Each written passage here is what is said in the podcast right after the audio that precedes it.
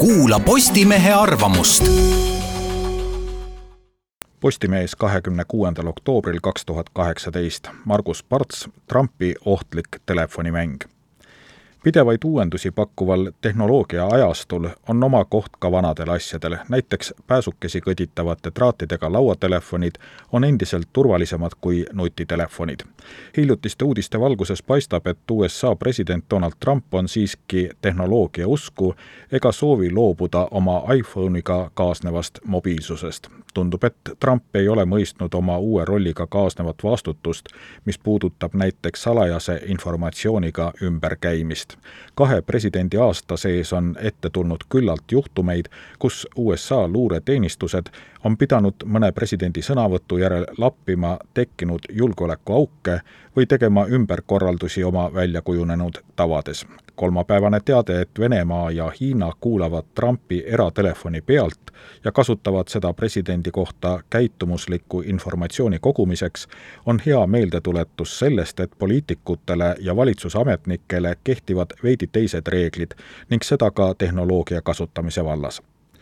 iga presidendi samm ja sõna sisaldab mõne konkureeriva riigi välisluurele potentsiaalselt tähtsat informatsiooni, seetõttu näiteks ei tehta pikalt ette avalikuks riigipeade täpset päevakava või muud seesugust teavet sealjuures ei ole Trumpil mingit põhjust eratelefoni kasutada, sest riiklik julgeolekuagentuur on valmistanud presidendi tarbeks kaks modifitseeritud iPhone'i, mille turvaaugud on kinni müüritud. abid on presidenti korduvalt eratelefoni kasutamise eest hoiatanud.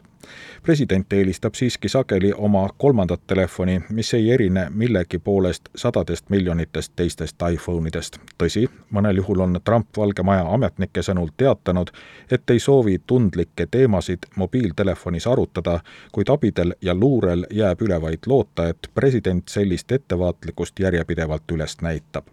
fakt, et Hiina ja Vene luure on salvestanud Trumpi eravestlusi, on probleemne mitmel põhjusel. see annab teavet selle kohta, kuidas president mõtleb, millised argumendid talle mõjuvad ning kelle poole ta nõu küsimiseks pöördub väidetavalt on hiinlased koostanud nimekirja isikutest, kellega Trump regulaarselt suhtleb, lootuses neid presidendi poliitika kallutamiseks mõjutada. kui selline mõjutustegevus õnnestub, ei ole need inimesed ise loomulikult oma vahemehe rollist teadlikud.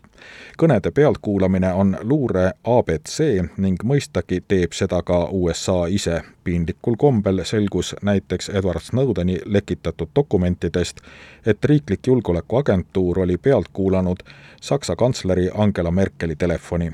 aga üks maailma mõjuvõimsamaid isikuid ei peaks välisluure elu oma lohakusega lihtsamaks tegema, eriti kui tema vastas seisavad sellised strateegilise mõtlemisega riigijuhid nagu Xi Jinping ja Vladimir Putin, kes ise võimaluse korral alati mobiiltelefone väldivad